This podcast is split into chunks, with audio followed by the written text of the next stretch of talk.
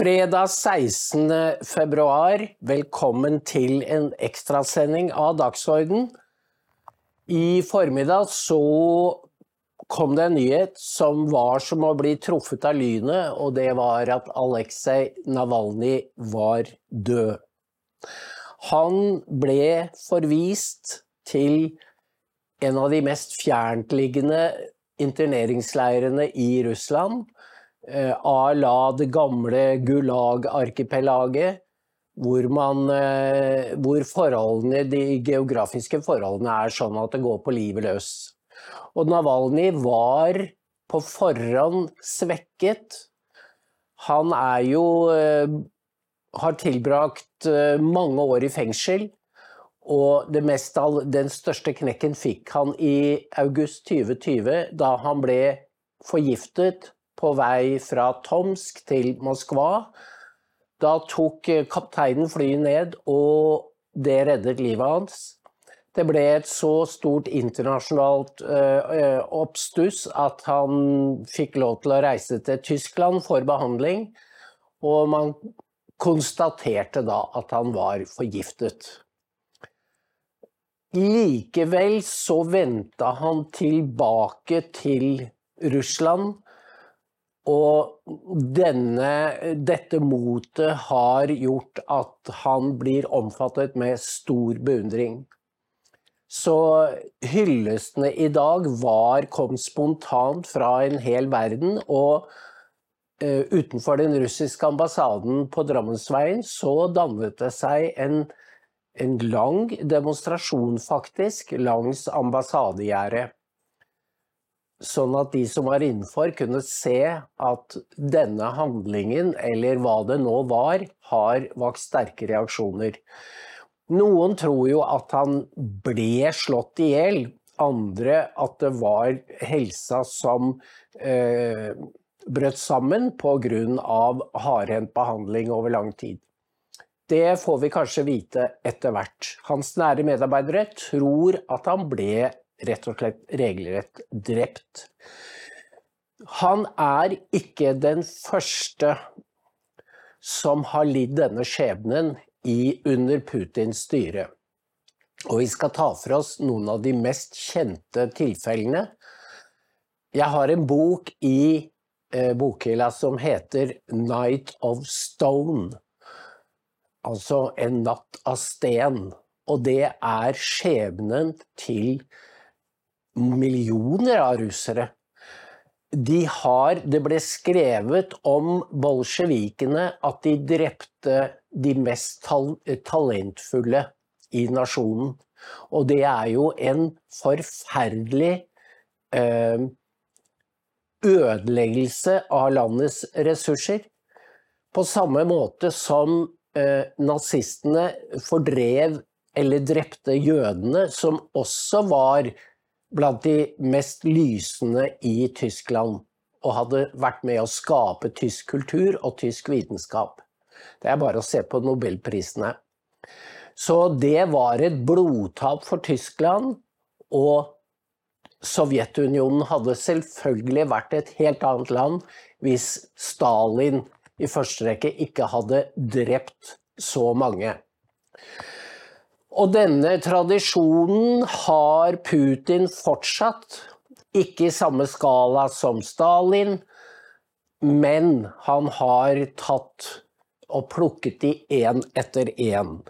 Og den eh, mest, eh, en av de mest kjente er jo Anna Politovskaja, hun var jo journalisten, hvis vi kan få bilde av henne. Ja, hun er Det var et drap som også rystet mange.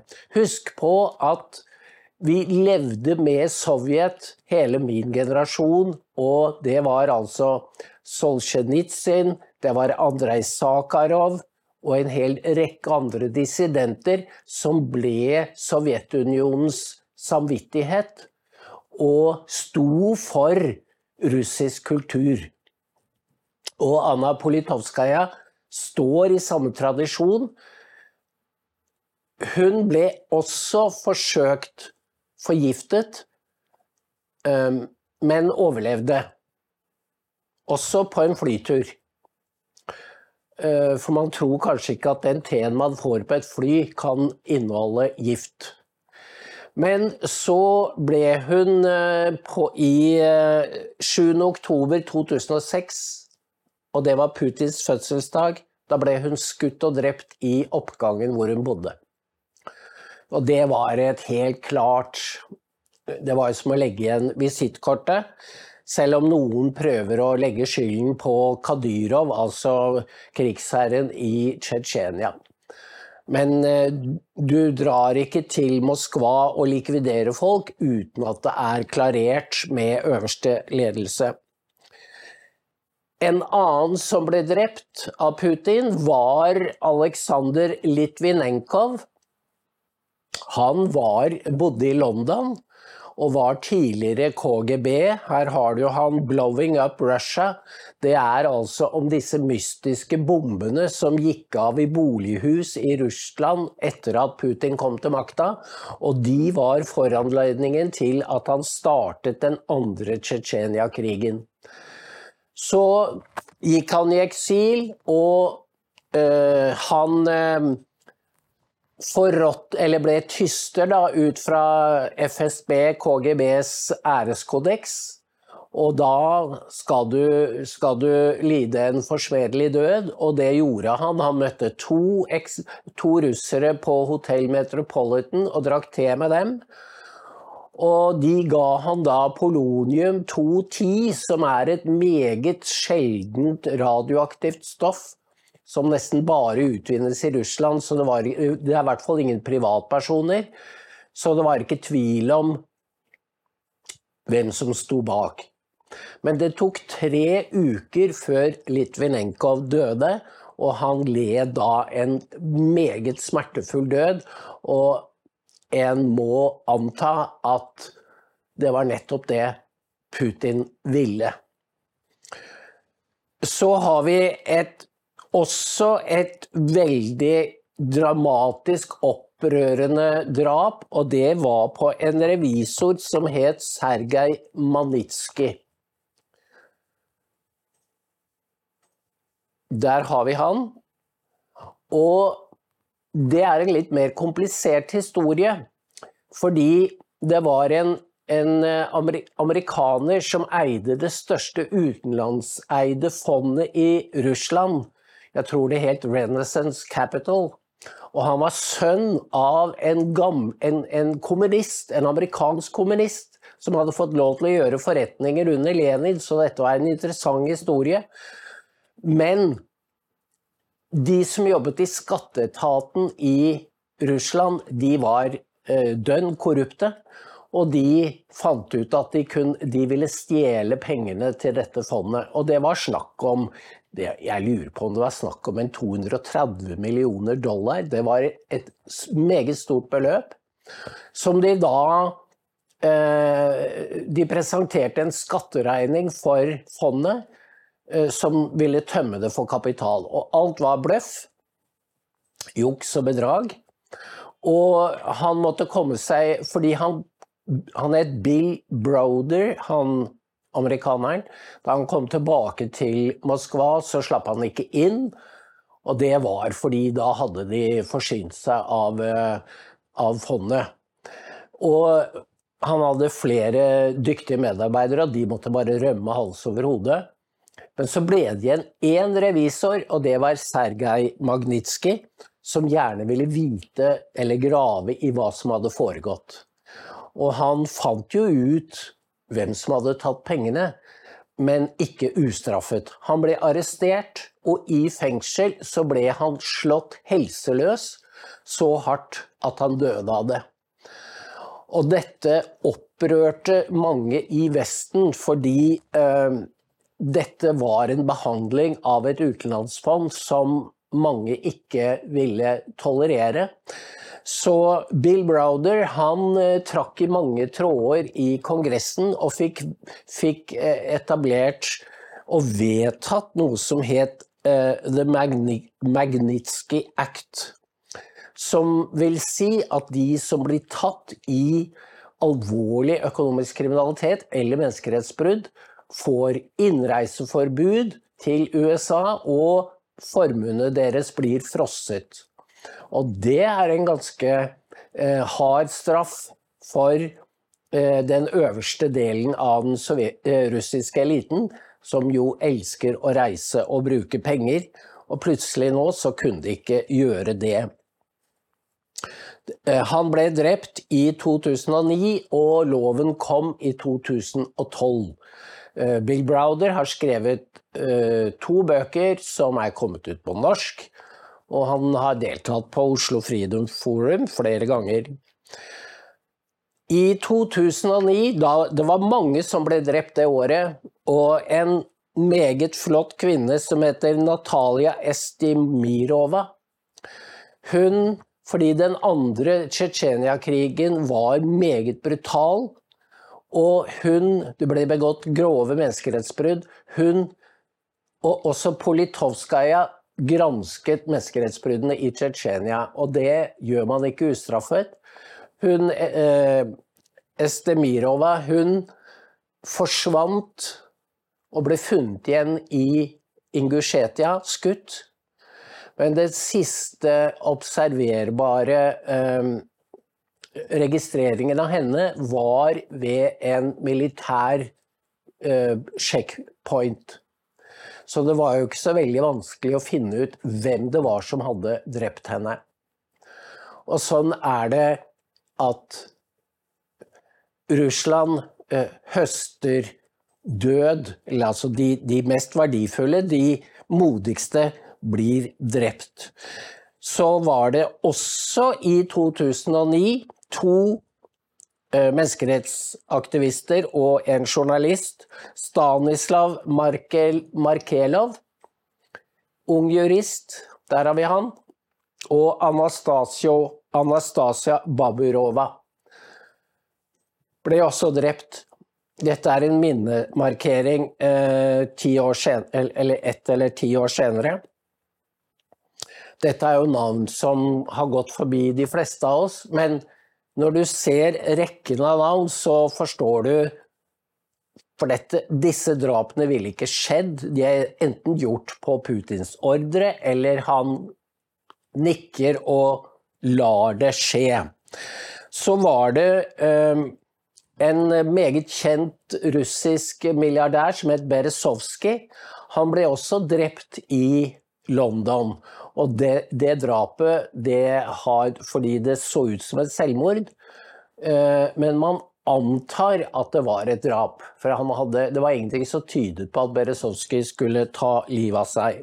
Så kom vi til, Det var i 2013, så kom vi til et av de et drap som minner om Navalnyj, og det er på Boris Nemtsov, som var et, en, en um, liberal politiker en av eh, de store En av de man hadde størst forhåpninger til. Han ble skutt rett utenfor Kremls murer, og det drapet, det var i 2015. Det er altså bare ni år siden, i februar. Det gjorde voldsomt inntrykk på russerne. Og så det, kan vi da rykke frem til Navalny i dag. Og dette er jo Spørsmålet er hvorfor, enten han, enten han nå er drept direkte eller han er blitt trakassert til døde, hvorfor har Putin ryddet sin eh, Han var en farligste rival, men han kunne jo bare latt han i hvert fall leve. Hvorfor har han ryddet han av veien og utsatt han for så store påkjenninger at han døde? Eh, det kan man jo spekulere på, men særlig klokt virker det ikke å ha vært. For dette nyheten kom samme dag som sikkerhetskonferansen i, i München åpnet.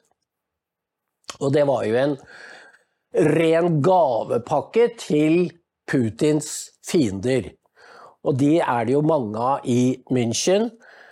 Eh, og de kunne da henge bjella på katten, rett og slett.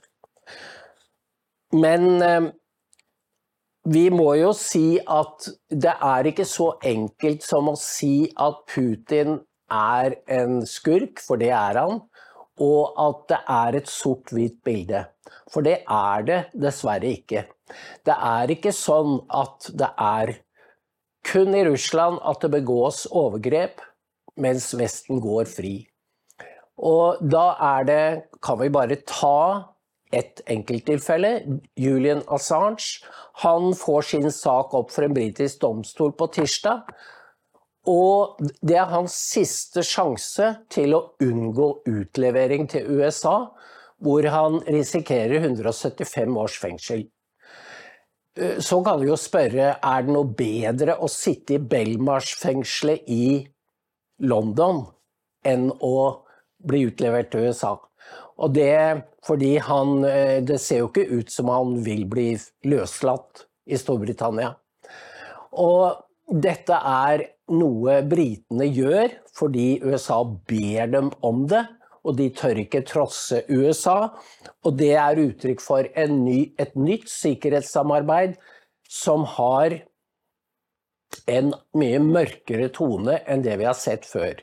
Det begynte jo med Altså, det er to navn man forbinder med dette her. Det er Snowden og Julian Assange. Assange er i Belmarsh, Snowden er i Russland. Han hadde et langt møte med uh, Tucker Carlsen da han var syv dager i, i uh, Moskva. Men det ble ikke noe intervju. men jeg går ut fra at Tucker hadde, fikk vite mye interessant om bakgrunnen for Snowdens situasjon. For det er jo en underlig konstellasjon at mannen som avslørte at den amerikanske sikkerhetsstaten har fått russisk statsborgerskap. Det har han for, da, for å kunne besøke foreldrene sine. Og, og pga. barnet de har fått sammen med han og kona. Men så er det en, en mye større historie, og denne er dokument alene om å dekke i Skandinavia, meg bekjent. I hvert fall i Norge. Fordi det som har kommet frem denne uka eh, ved journalistene Michael Schellenberger og Matt Taibi, det er at det som går under navnet Russia Gate, Altså det som begynte i 2015-2016, da Trump varslet sitt kandidatur, eh, det var en stor CIA-operasjon. Den som spesialetterforsker eh, uh, Durham har kommet frem med, det er at det var Hillary som satte i gang og betalte for denne drittrapporten om Trump, som gjorde at FBI begynte etterforskning. Og så var det John Brennan som ga Obama beskjed om at Hillary har satt i gang en, en bakvaskelseskampanje mot Trump. Det er den offisielle, eller det er den oppleste og vedtatte versjonen. Men så kommer Schellenberger og Taibi og sier det er mye større enn som så. Fordi John Brennan, som da var CIA-sjef, plukket ut 26 medarbeidere av Trump og ba de allierte i Five Eyes-samarbeidet om å bruke alle metoder eh, for å kartlegge deres bevegelser og oppførsel i det hele tatt. Og Five Eyes det er altså Canada, Australia, New Zealand, Storbritannia og selvfølgelig USA. Og disse ble da trukket inn i et samarbeid for å velte Trump, og altså en direkte inngripen i det amerikanske presidentvalget. Og noe sånt har USA aldri sett før. Det er mulig, eller altså kanskje sannsynlig, at det var CIA som lå bak attentatet på John F. Kennedy i 63. Um, men det, dette her, det var altså mye større, og CIA involverte de andre allierte. Da snakker vi om en politisering av etterretning eh, og direkte inngripen i et valg som får fatale følger for amerikansk demokrati. Fordi da har CIA begått et internt kupp og eh, forsøkt å hindre at én kandidat ble valgt. Og som vi vet, i 2020 eh, så det, var det også eh, Grep også eh, sikkerhetstjenestene inn. Fordi de satt på FBI satt på Hunter, Hunter Bidens laptop.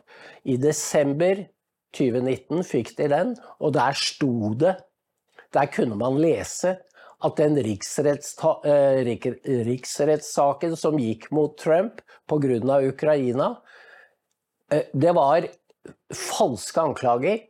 De kunne frikjent Trump med en gang, men det gjorde de ikke. De la den i skuffen.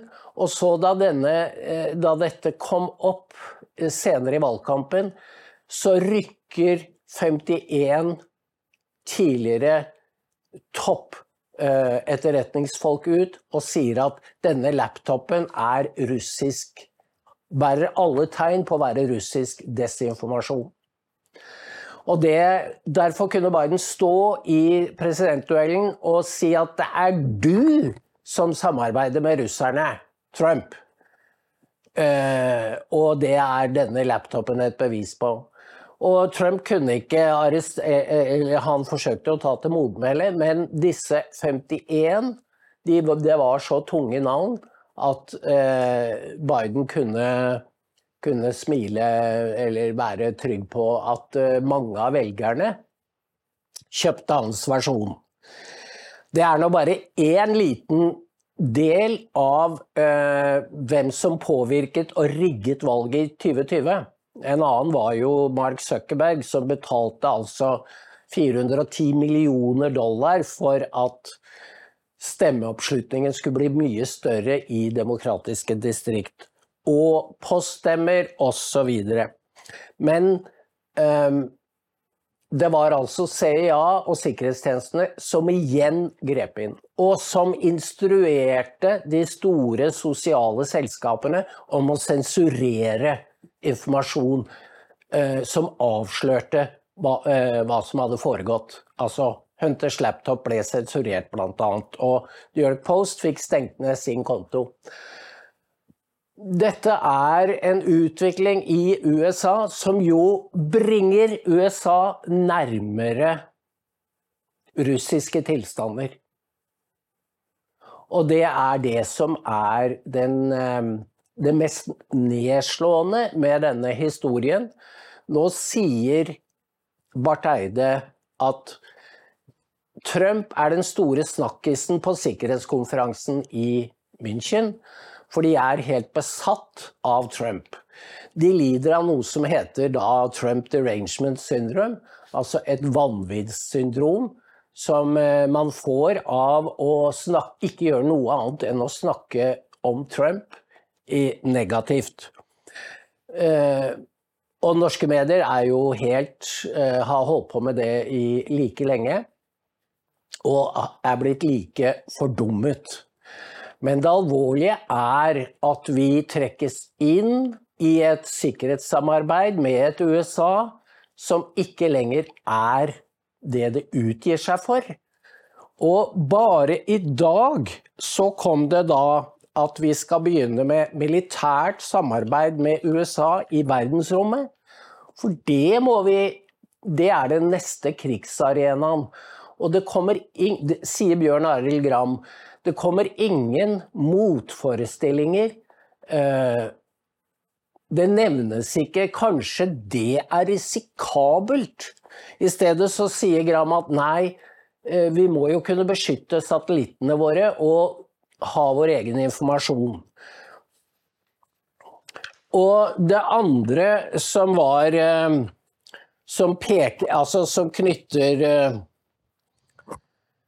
Som trekker en tråd fra 2016 og dette CIA-samarbeidet Nå må jeg ta på meg brillene. Eh, fra 2016 og til i dag, altså mellom eh, Schellenberger og Taibis avsløringer, det var denne meldingen fra, på NTB fra Reuters, som da, hvor det står USA, Canada og Storbritannia bekymret for desinformasjon. De uttrykker dyp bekymring for utenlandsk manipulering av informasjon og andre handlinger mot demokrati og menneskerettighetene. Tiden er inne for en kollektiv tilnærming til truslene om utenlandsk informasjonsmanipulering og bygging av en koalisjon av land som vil forplikte seg til å styrke motstanden mot manipulering av informasjon, heter det i et felles kommuniké fra de tre landene. Vestlige stormakter er stadig mer bekymret for spredningen av desinformasjon i sosiale medier, som er vanskelig å motvirke. Ikke minst i et år da land som står for 60% av verdens økonomiske produksjon, inkludert USA, Storbritannia og India, går til valg. De tre landene sier de støtter et rammeverk for å motvirke slik desinformasjon, som ble presentert av USA i januar, og at de vil trekke med seg andre partnerland for å identifisere og motarbeide trusselen.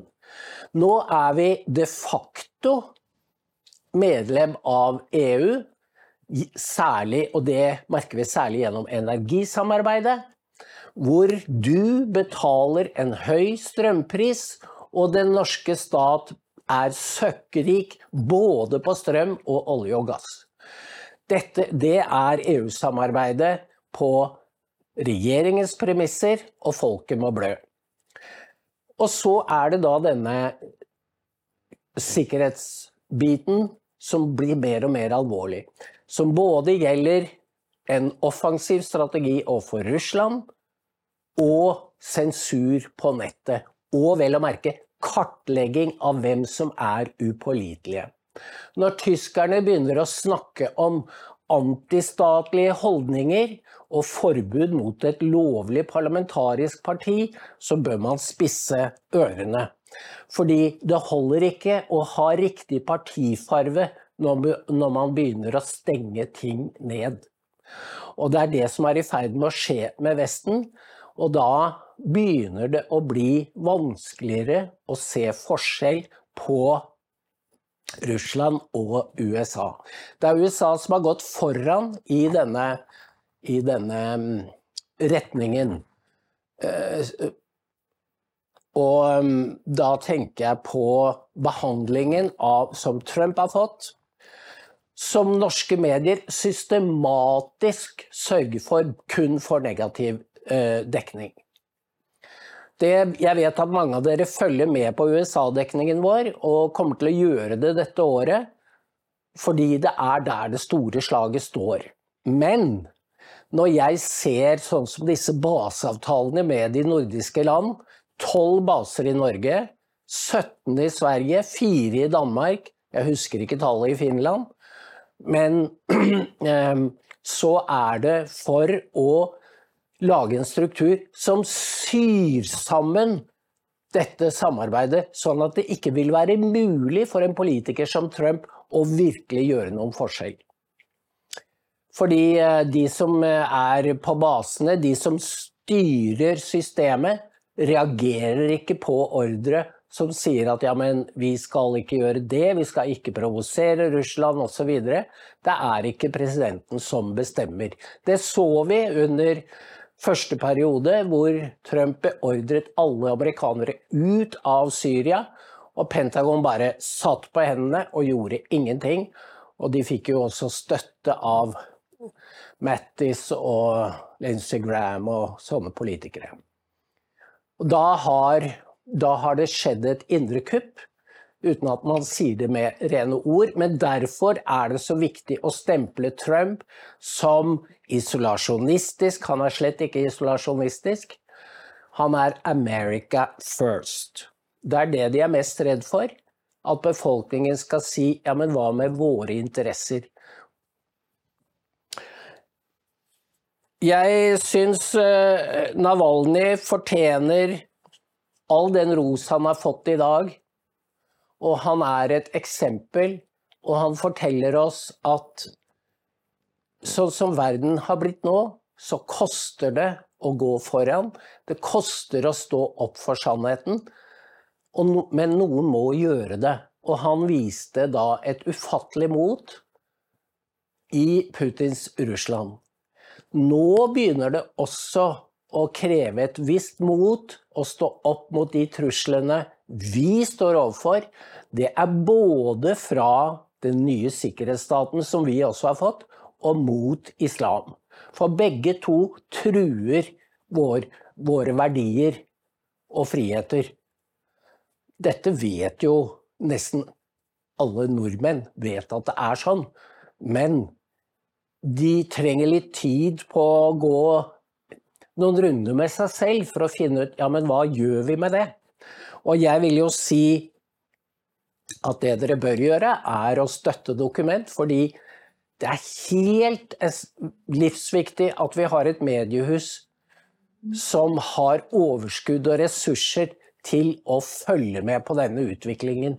Sånn at det ikke bare blir en hånd i været når det skjer noe som alle er enige om er urimelig eller et overgrep. Vi eh, skal vise en film. Ja, vi skal vise et klipp fra um, enken. Sannsynligvis er hun blitt enke, kona til um, Navalnyj. Hun befant seg faktisk på sikkerhetskonferansen i München, uten at jeg vet hvorfor. Så hun fikk jo da komme med sin, sitt uttrykk og, og anklage mot Putin. Og jeg syns det er verdt å få med seg hennes ord, selv om de ikke er oversatt. Vær så god. Hello. Thank you very much. Thank you to the conference organizers that gave me the stage, the main stage. You have all probably saw the terrible news that came in today. I thought for a long time, is it worth for me to come here or to fly to my children straight away? But then I thought, what would Alexei do in my place? And I'm confident that he would be here. He will be on this stage. I don't know. whether to believe the news, the terrible news. That we are receiving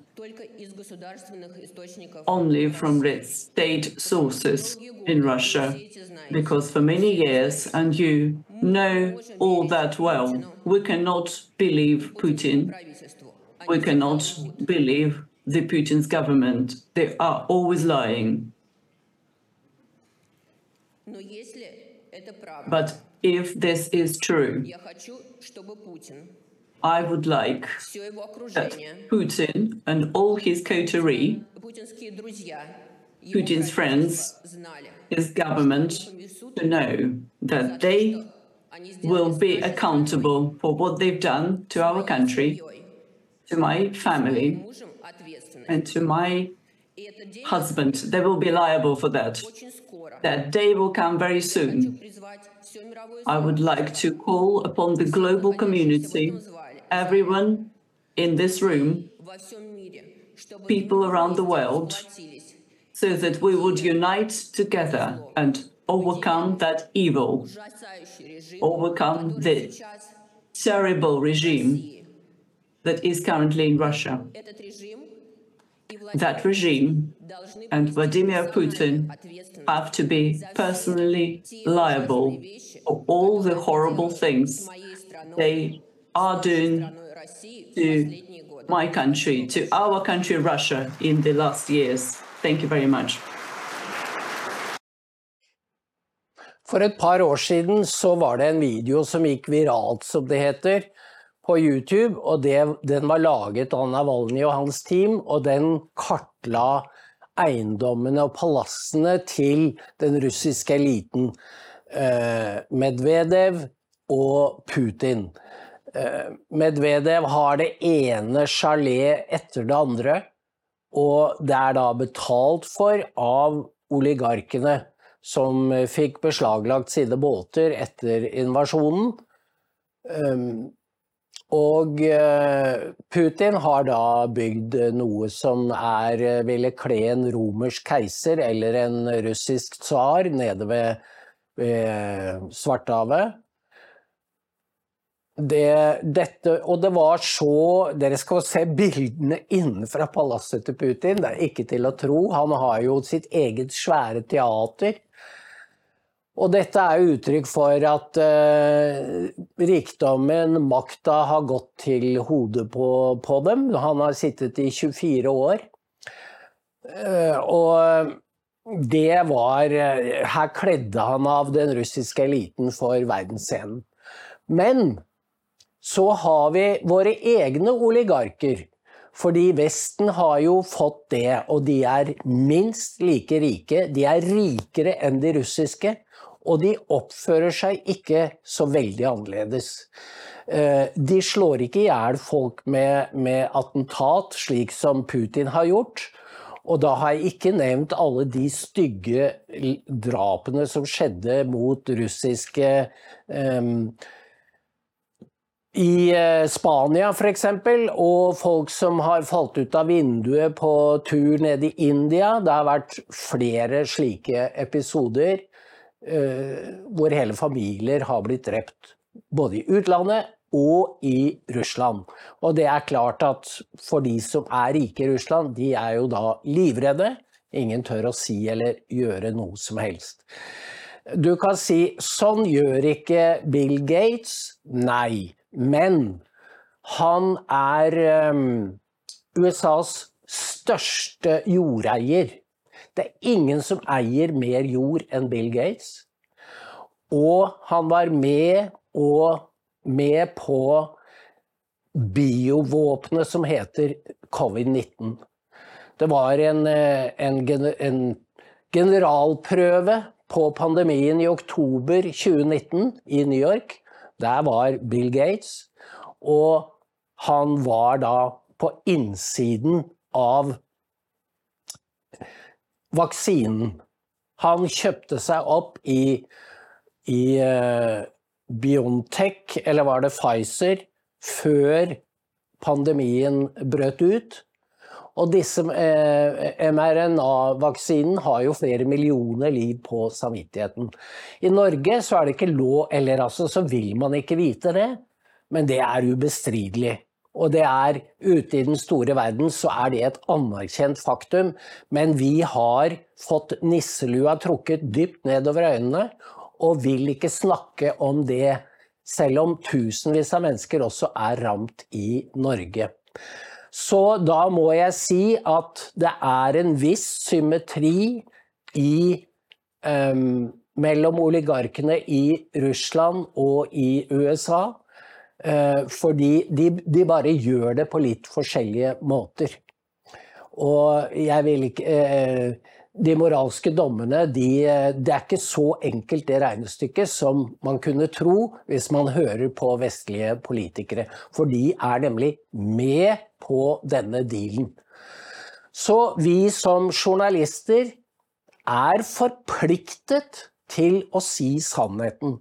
Hvis vi ser at våre samfunn beveger seg i feil retning, og at det blir større forskjeller mellom folk, at ytringsfriheten er truet, og at vi går inn i et kontrollsamfunn, så er det vår plikt å si fra. Og Uh, nå skal dere få se denne filmen fra, fra Fordi vi, vi, vi, lar oss ikke presse til å si det er hvitt på den ene siden og svart på den andre, for det stemmer ikke. Og det vet vi at veldig mange er enige med oss i og har sett. Og vi blir ikke noe mindre patriotiske av den grunn, tvert imot. Nå skal vi se da denne 16 minutters filmen, som er en kortklipt eh, av flere Navalny-filmer. Og det er et slags sånn minnesmerke som vi avslutter med. Og så får dere se da rikdommen de har karret til seg, og hva de har brukt den på. Og det er en slags det, Dette minner jo om avsløringene i USA av Biden-familien, som da har drevet forretninger mens han var visepresident i USA, med Kina, med Russland, med Romania og Kasakhstan. For den som vil vite, så foreligger bevisene, og det som sagt, det blir vanskeligere å se fors forskjell hvis da ikke de lykkes med å rydde opp i USA. Det får vi se. Vær så god, her er filmen om Navalny, og så takker jeg for i dag. Jeg takker for at dere støtter Dokument og forstår hvor viktig det arbeidet vi gjør er. Takk for nå.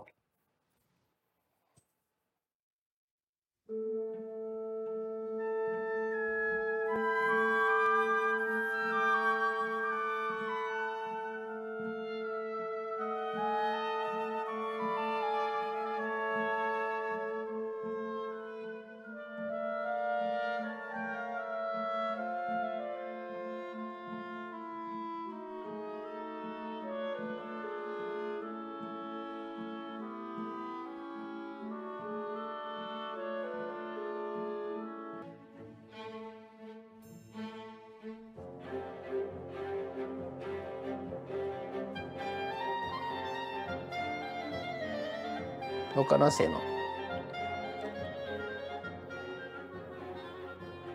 Det er morsomt.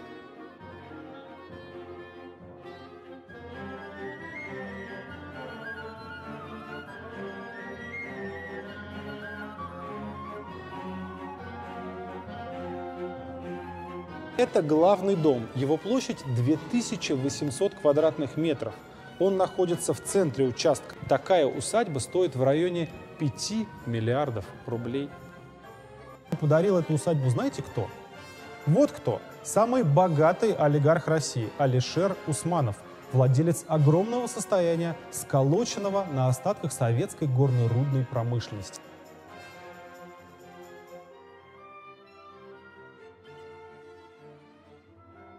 Это основной дом.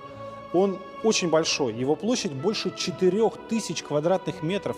Но самое интересное, конечно, внутри. Площадь участка здесь 3,7 гектара, а общая стоимость вообще всего поместья 7 миллиардов рублей.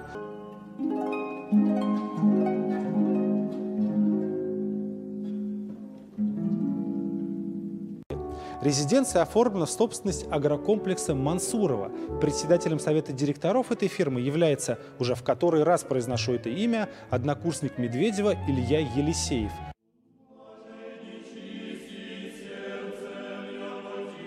Кроме часовни, построили и церковь. Открытие такого храма в Мансурово стало большим событием. Приехало местное телевидение, прибыл помощник президента Медведева Михаил Тринога, губернатор Курской области и множество других чиновников.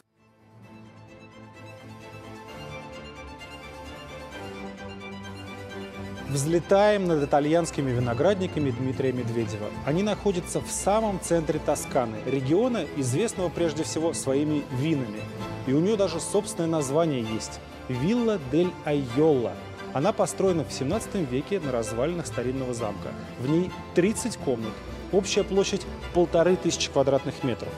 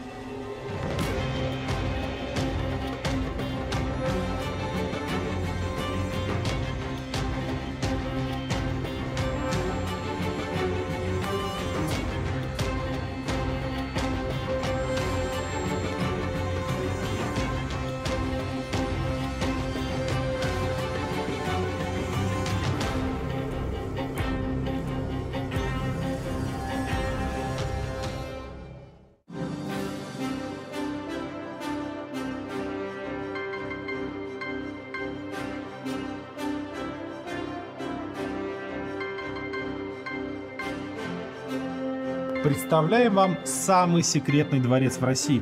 Дворец Путина под Геленджиком.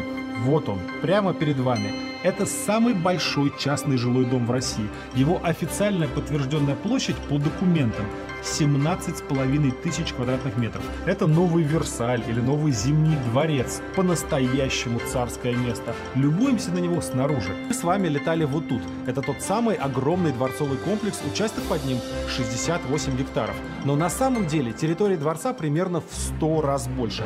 Вот этот участок, леса и горы площадью 7 тысяч гектаров, 70 миллионов квадратных метров лежит ФСБ. И в сентябре 2020 года он целиком был передан в аренду до 2068 года фирме, которой принадлежит дворец. Знаете зачем? для осуществления научно-исследовательской и образовательной деятельности. Мы заказали 3D-визуализацию и воссоздали все интерьеры. Заходим в дворец с главного входа. Владимир Путин мнит себя русским императором и ведет себя соответствующе. Итальянский архитектор построил ему дворец в итальянском стиле. Классическая палаца. Внутренний двор с фонтаном в центре окружен галереями, как будто мы не под Геленджиком, а в Болонье или Флоренции. Спахиваются двери справа, и мы оказываемся в шикарном мраморном фойе с баром. Такие обычно бывают перед входом в театр или концертный зал. И мы угадали. Богатые люди ставят настоящий театр с сценой, кулисами, гримерными и императорскими ложами. Я не шучу. Внутри дворца Путина полноценный театр. Зрительный зал двухэтажный. Три зрительские ложи внизу закрываются бархатными портьерами, если владельцу нужна более интимная обстановка. На втором этаже балконы с диванами. Здесь проявляется верность Владимира Путина традициям. Помните, в царской России помещики строили себе крепостные театры. Так вот и у нашего президента есть такой.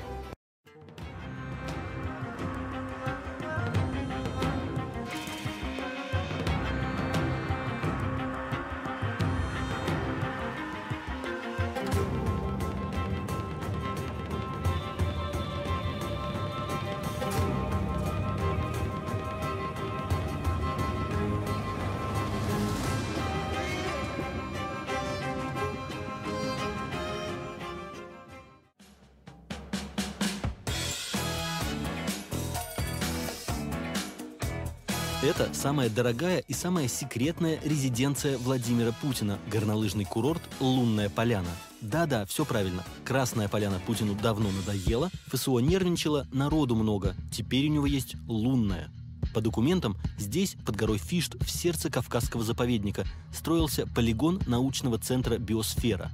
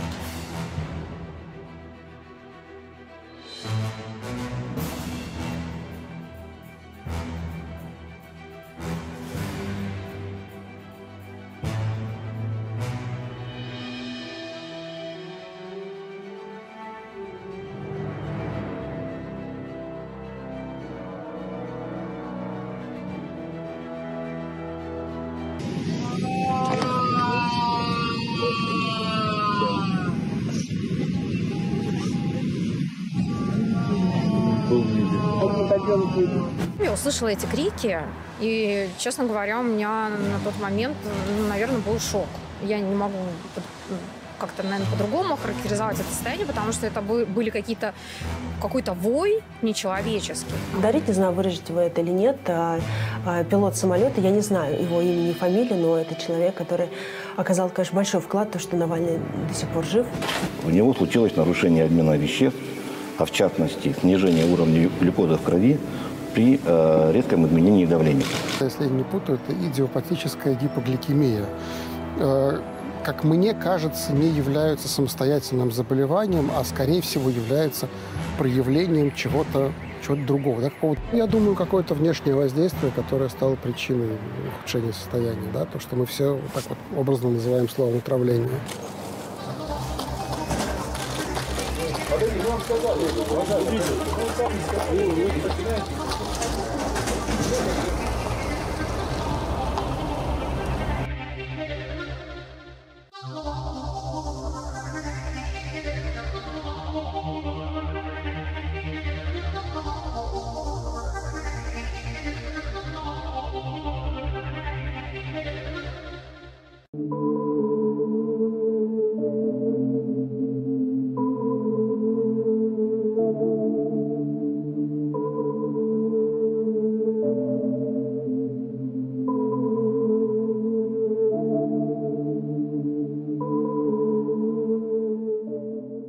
The charity hospital has uh, had the uh, German armed forces to examine the uh, clinical evidence, and now we have clear findings. Alexei Navalny was a victim of an attack with a chemical agent of the Novichok group.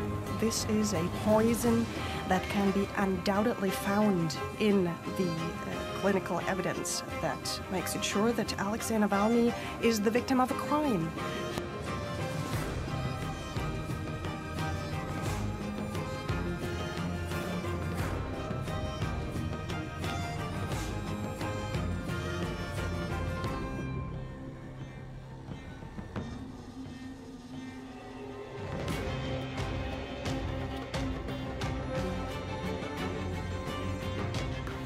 Подробнее про вещи. На них было что-то? Коробка, то есть что, что-то там нашли на ней? Что, что с этим делали конкретно?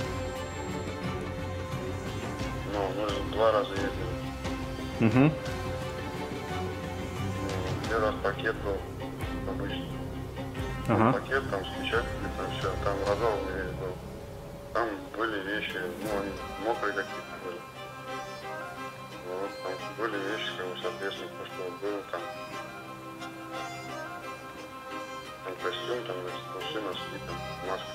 Угу.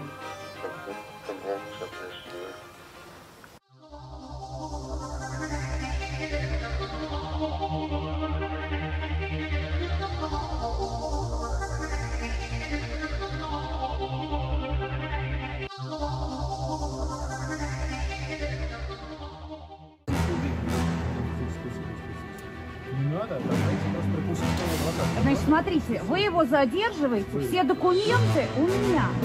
Меня. Документы у меня, которые вам тоже нужны.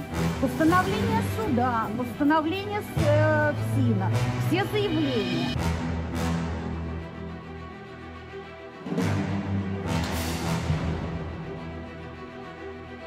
Меня одну минуту назад вывели из камеры на встречу с адвокатами. Я пришел сюда, здесь происходит заседание Химкинского суда. Какие-то люди меня снимают на камеру, какие-то люди сидят в зале. Называется это все открытое заседание Химкинского суда и рассматривается вопрос о, о, о моем взятии под стражу по ходатайству начальника полиции. очень, очень подробно все то, что сегодня звучало в судебном заседании, те аргументы, эти аргументы, но как э, отмечает наша коллега Валерия Ратникова, которая сегодня весь э, день в зале судья, э, в зале суда, прошу прощения, судья Наталья Репникова в своем решении, в своем постановлении почти слово в слово повторяет то, о чем просила прокурор Фролова сегодня. Прямо вплоть до э, вплоть до того, чтобы вынести предупреждение, по-моему, да, или какая-то такая формулировка э, начальнику 15 филиала УФСИНа по Москве частное постановление. Э, Ровно об этом просил прокурор, просила, что, дескать, он не уследил.